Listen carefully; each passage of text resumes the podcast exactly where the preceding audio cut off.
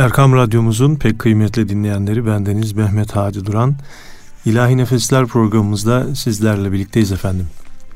Bugünkü programımızda yine Derin Tarih Dergisi'nin e, bir ek olarak e, takipçilerine hediye ettiği Usta Kalemlerden Unutulmaz Yazılar isimli e, bir kitapçıktan sizlere bazı e, böyle makaleler paylaşacağım.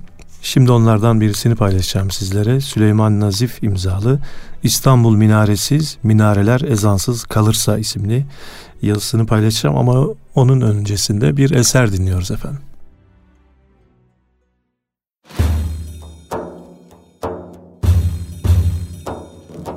Aşık kız Muhammed'e Aşık kız Muhammed'e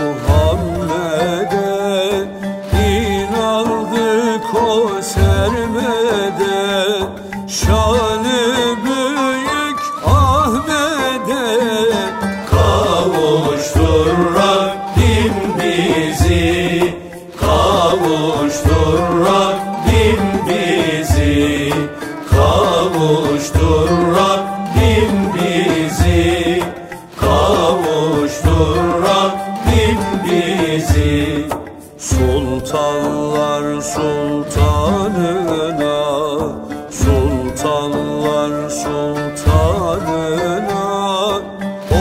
Ol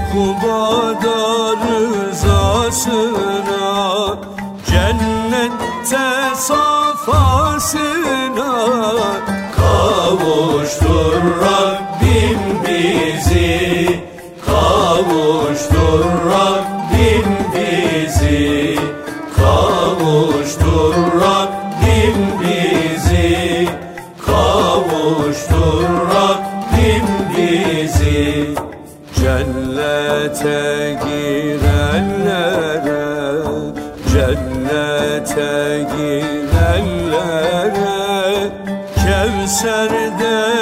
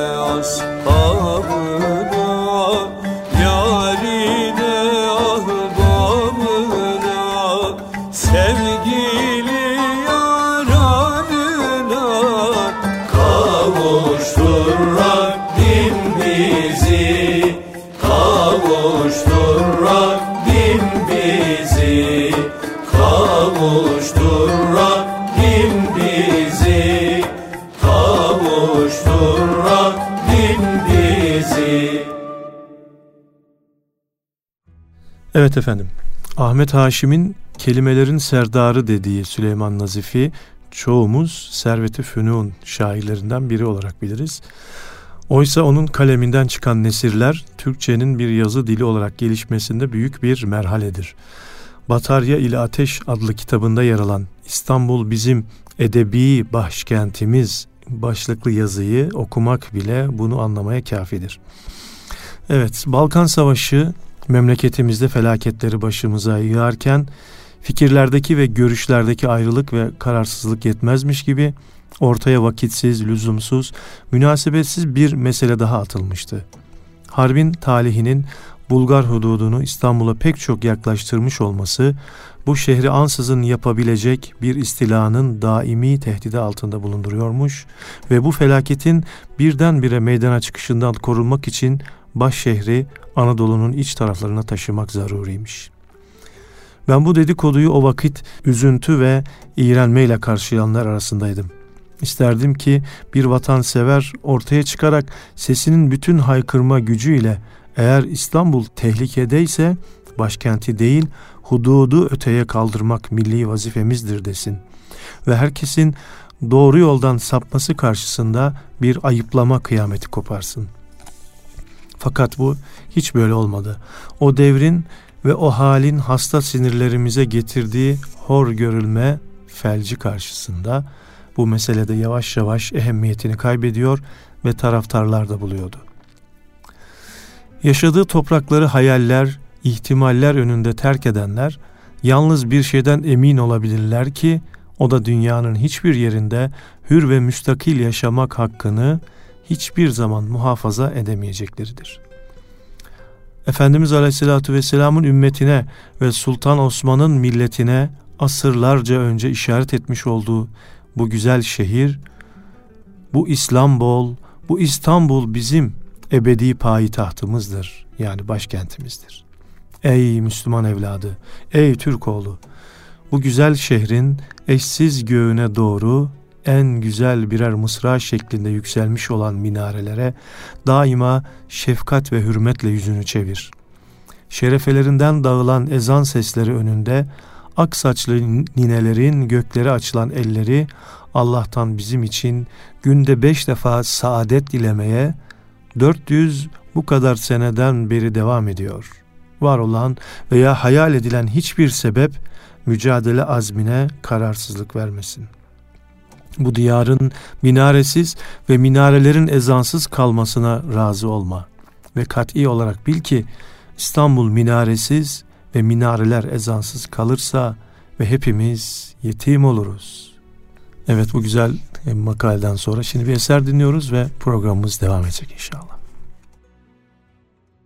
Ey Risalen tahtının hurşidi mahı Ey Ey Risalet tahtının hurşidi mahı Enveri ve nübüvvet mazharı ahir. Zaman peygamberi ve nübüvvet mazharı ahir. Zaman peygamberi Hak senin şanında levlak okudu ya Mustafa Hak. Senin şanında levlak okudu ya Mustafa. Yani sensin Nur Muhammed Kainatın rehberi. Yani sensin Nur Muhammed kainatın re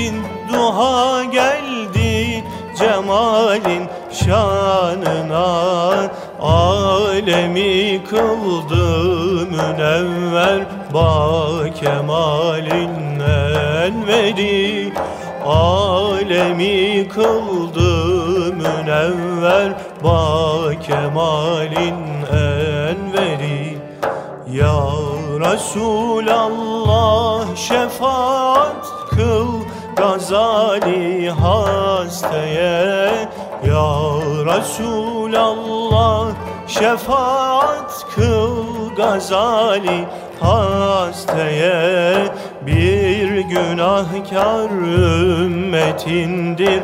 Hem kamunun kemteri bir günahkar ümmetindir. Hem kamunun kemteri. Efendim şimdi de Sezai Karakoç Üstad'ın Evet Ayasofya Müslümandır isimli yazısını paylaşıyorum sizlerle. Hristiyanların yanlış inançlarının tersine çarmıha gerilen Hazreti İsa değil, bu haliyle çarmıha gerili olan Ayasofya'dır. Müslüman Ayasofya. Canlı ve diri insan çarmıha öldürülmek için çekilir.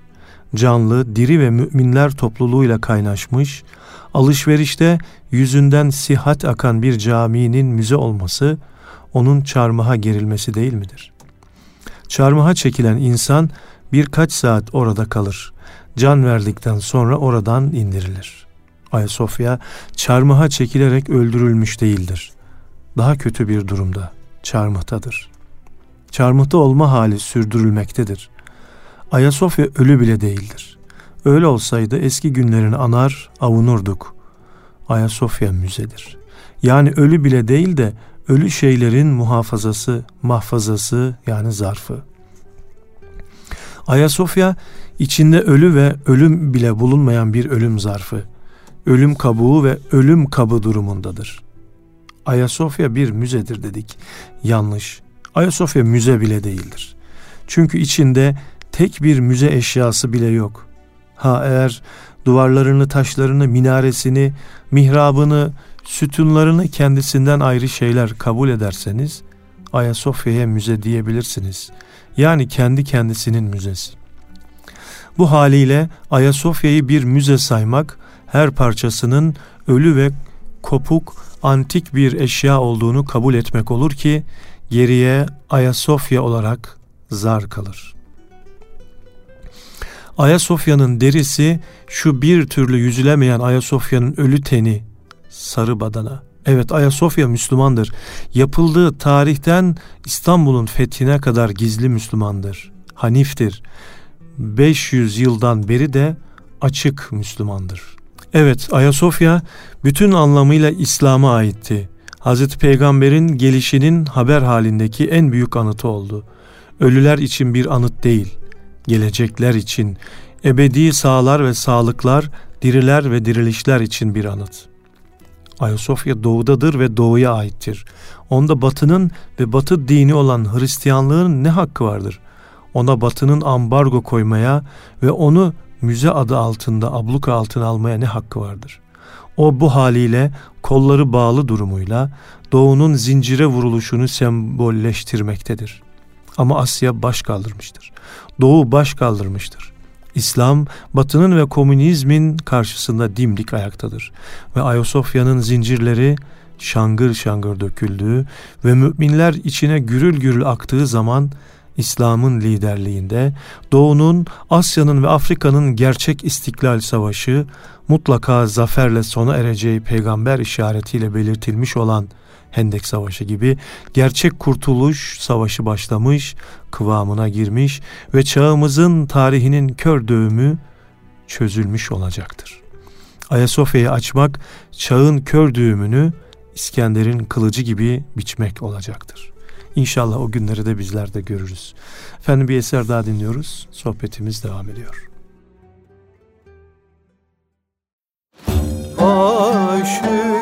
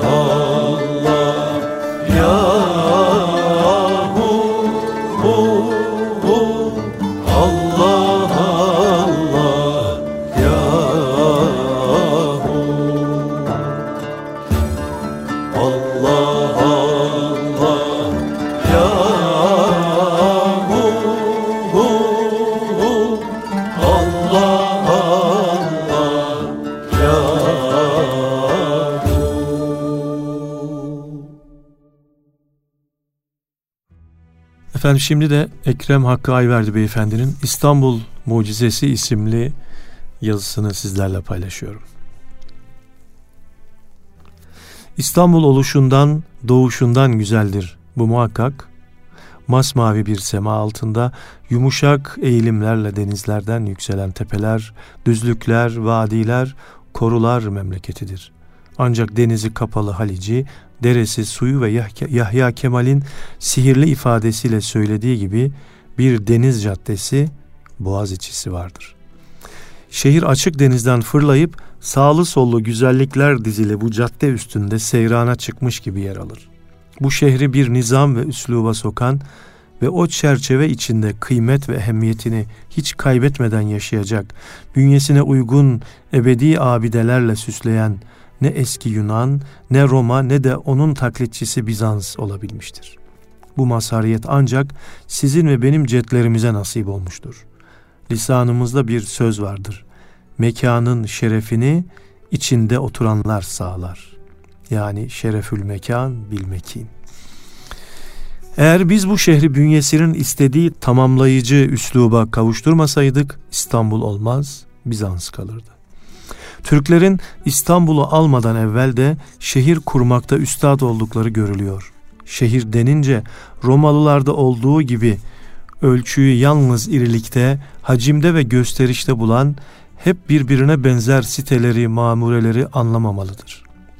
Bizler ovada da şehir kurarken esaslı bir çekirdek etrafına kademe kademe ikinci, üçüncü derecede binaları dizerek yamaçlarda arazinin kıvrımlarına uyup muhteşem abideler zinciriyle yükseklikleri belirterek sahillerde daha yumuşak, daha mütevazi bir binalar yaparak şehirler kurduk.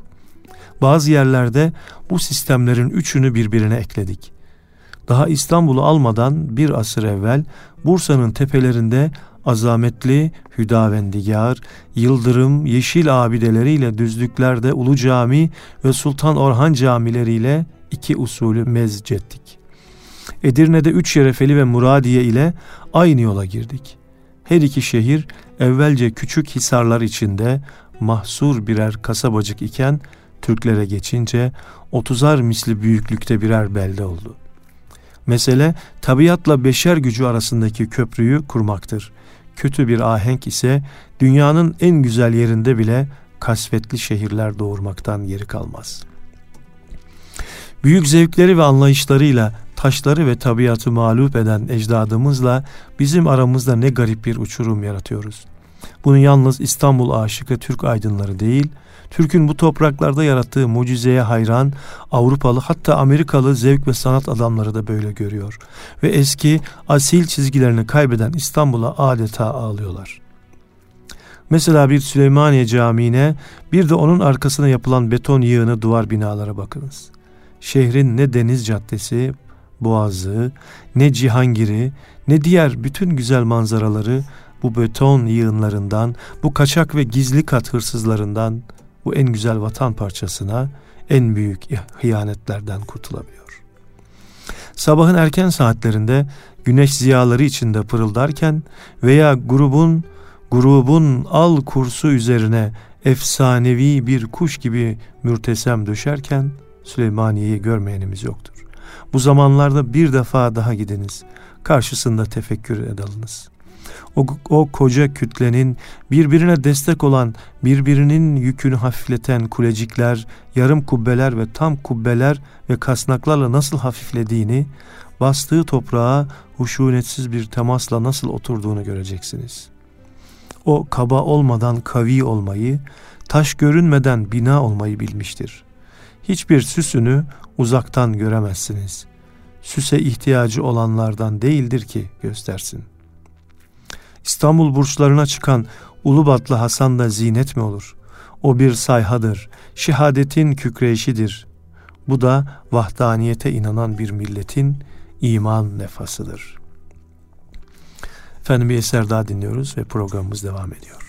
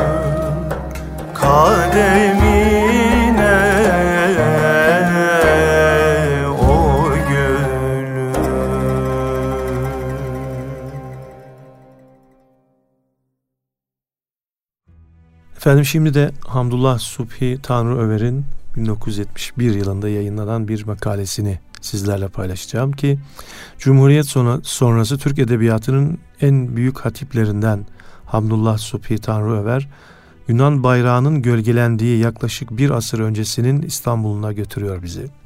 Fecri Edebiyatı'nın kurucularından olan yazar, devrin Türk münevver bunalımını mekan üzerinden bakın nasıl anlatıyor evine alacağı köşe minderine rapt olan şuuru hangi korkunç manzara karşısında Süleymaniye'nin kubbelerine derin bir of emanet etmiş olabilir dersiniz.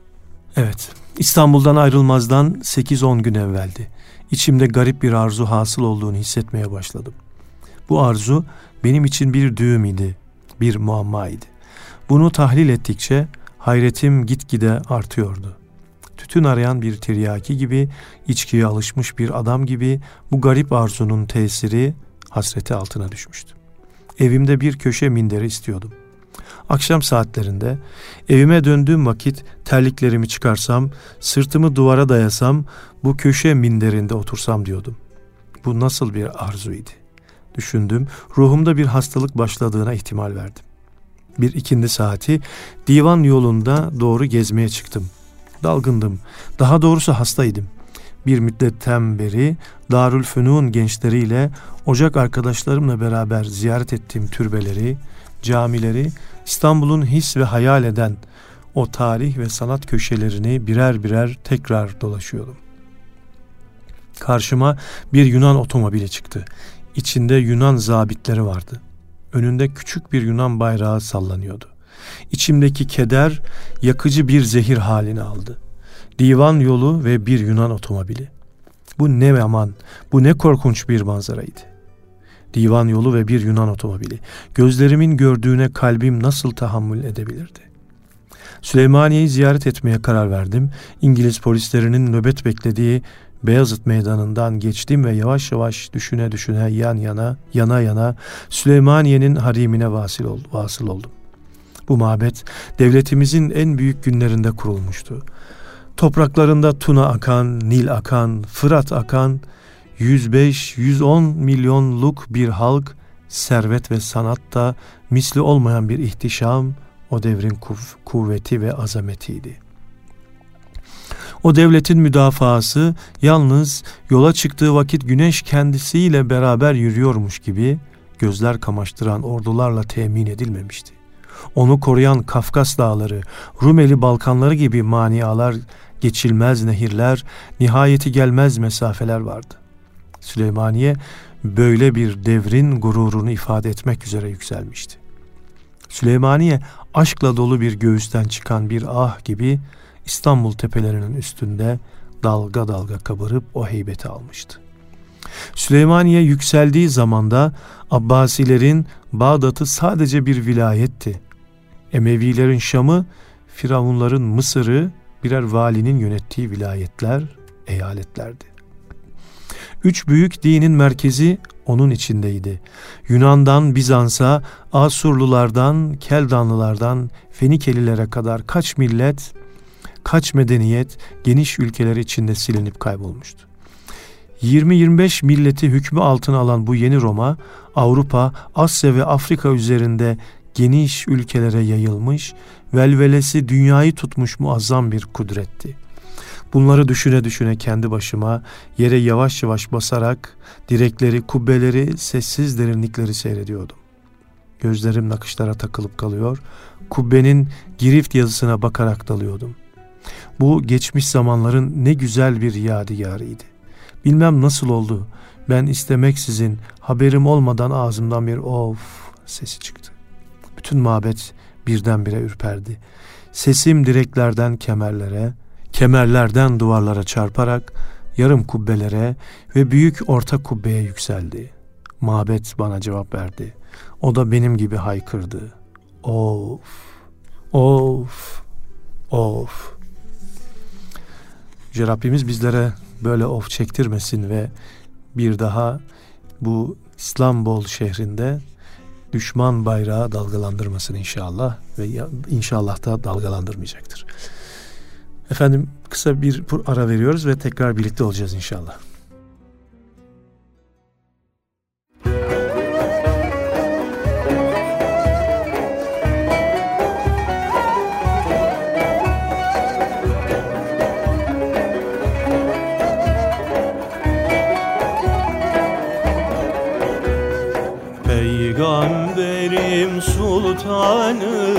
Dü cihanda fenahım. Peygamberim sultanım dü cihanda fenahım. Dilde olan fermanım La ilahe illallah. Dilde olan fermanım Muhammed Resulullah Ruhumuzun safası Kalbimizin cilası. Ruhumuzun safası Kalbimizin cilası. Zikrullah'ın alası La ilahe illallah. Zikrullah'ın alası Muhammed Resulullah.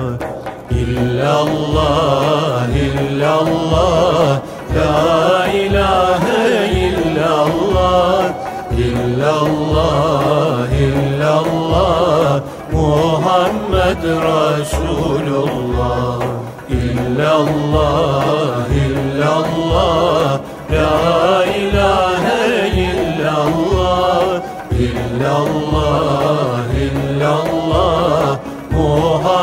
Muhammed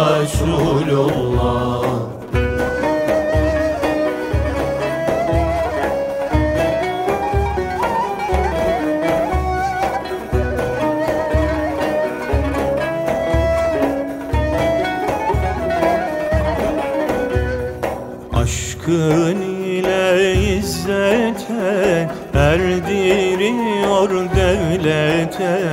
Aşkın ile izzete erdiriyor devlete. Vaslettiren hazrete La ilahe illallah.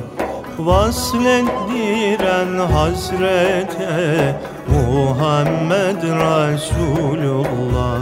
Sensin hakkın kerimi Talim ettin tevhidi Sensin hakkın kerimi Talim ettin tevhidi.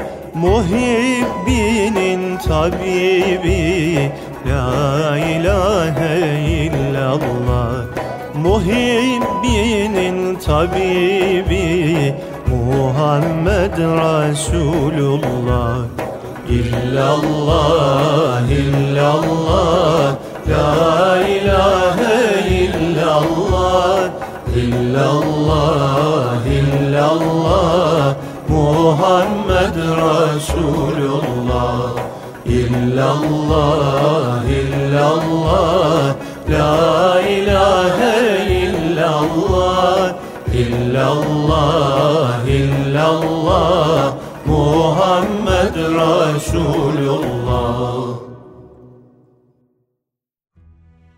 Efendim programımızın sonuna geldiğimiz şu dakikalarda şimdi de Sevin Okyay imzalı Nerede o eski bakkal sefaları isimli bir yazıyı sizlerle paylaşıyorum. Çocukluğumun küçük, iddiasız, icabında sinekli bakkallarının bize iade edilmesini istiyorum. Bütçemin ancak bu şekilde normale döneceğini fark ettim.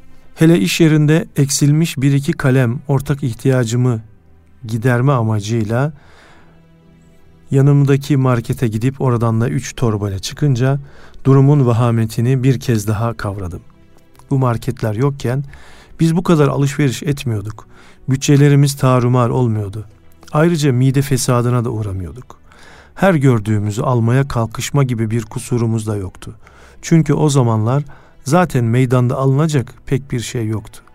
Bakkal raflarının insanı baştan çıkarıcı, cazibeli ürünlerle dolu olduğunu iddia etmek zor. O zamanın bakkallarını kastediyorum tabii. Her şeyden önce ne var ne yok hepsini tek bir mekanda görmek diye bir şey söz konusu değildi.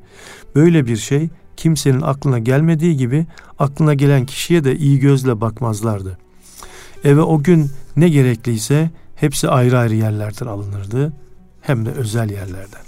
Bir maydanozu bile lalettayn bir yerden alamazdım.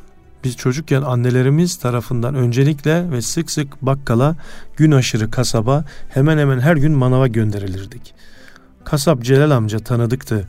Dolayısıyla şifre söylendiğinde yağsız kıyma, köftelik seni aldatmayacağı bilinirdi.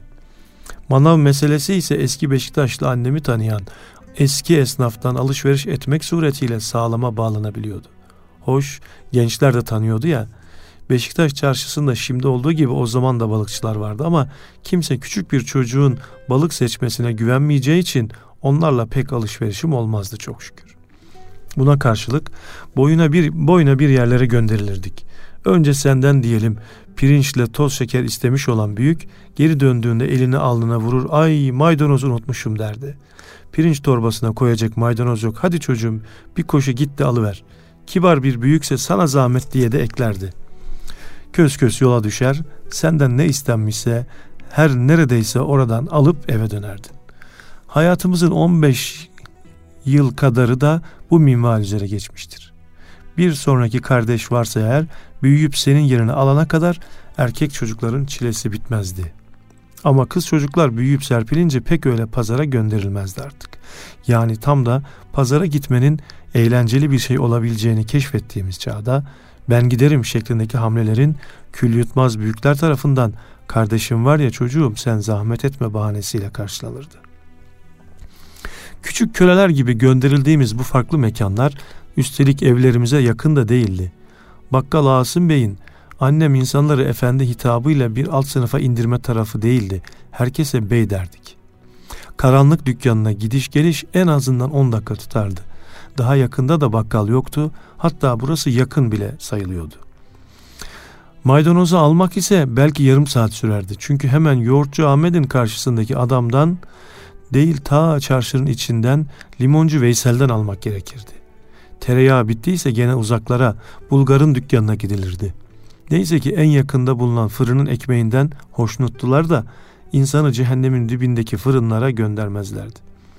İstediğin kadar fedakarca koş, pazardan döndüğünde hep yolda oyalanmış, ona buna takılmış çocuk muamelesi görürdün. Her şey senin uyuşukluğun yüzünden gecikmişti. Köfte öğlene yetişmeyecekti. Bu arada çorba, çorba soğumuştu vesaire. Ama insan bu lafları günde üç posta işitince hiç aldırmıyor, köşesine çekilip keyfine bakıyor. Gene de hoşmuş canım. Merak ediyorum şimdiki çocuklar bunca hoş vakitte ne yapıyorlar? Efendim bugünkü programımızda yine bir eserle sizlere veda ediyoruz. Derin Tarih dergisinin e, takipçilerine hediye olarak verdiği Usta Kalemlerden Unutulmaz Yazılar isimli kitapçıktan sizlere böyle bazı makaleler sunmaya gayret ettim efendim. Geceniz mübarek olsun. Allah'a emanet olun efendim.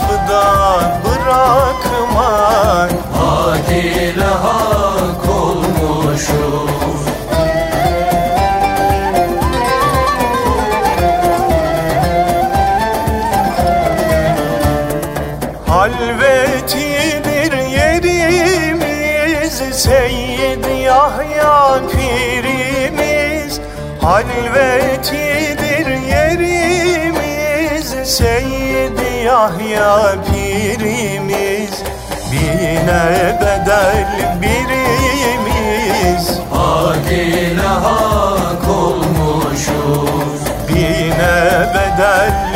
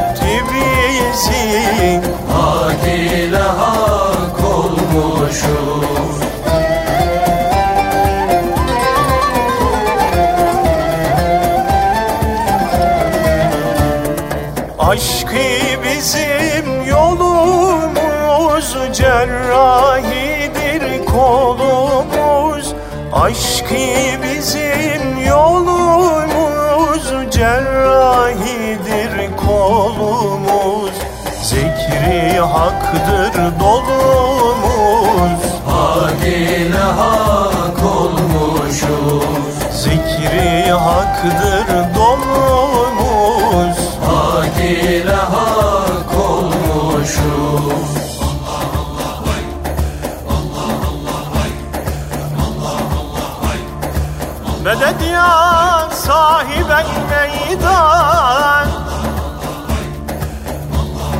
Lebin vasfından sultanım Dehan aşık Zeban aşık. Sana ey mihri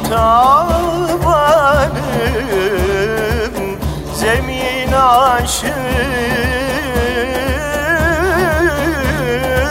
Zaman aşık. Vücudi aleme bahis vücudun oldu zahir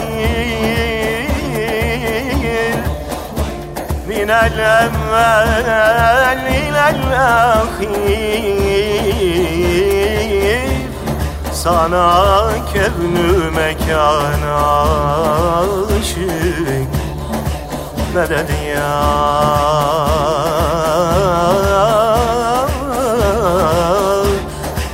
Sahibet imdad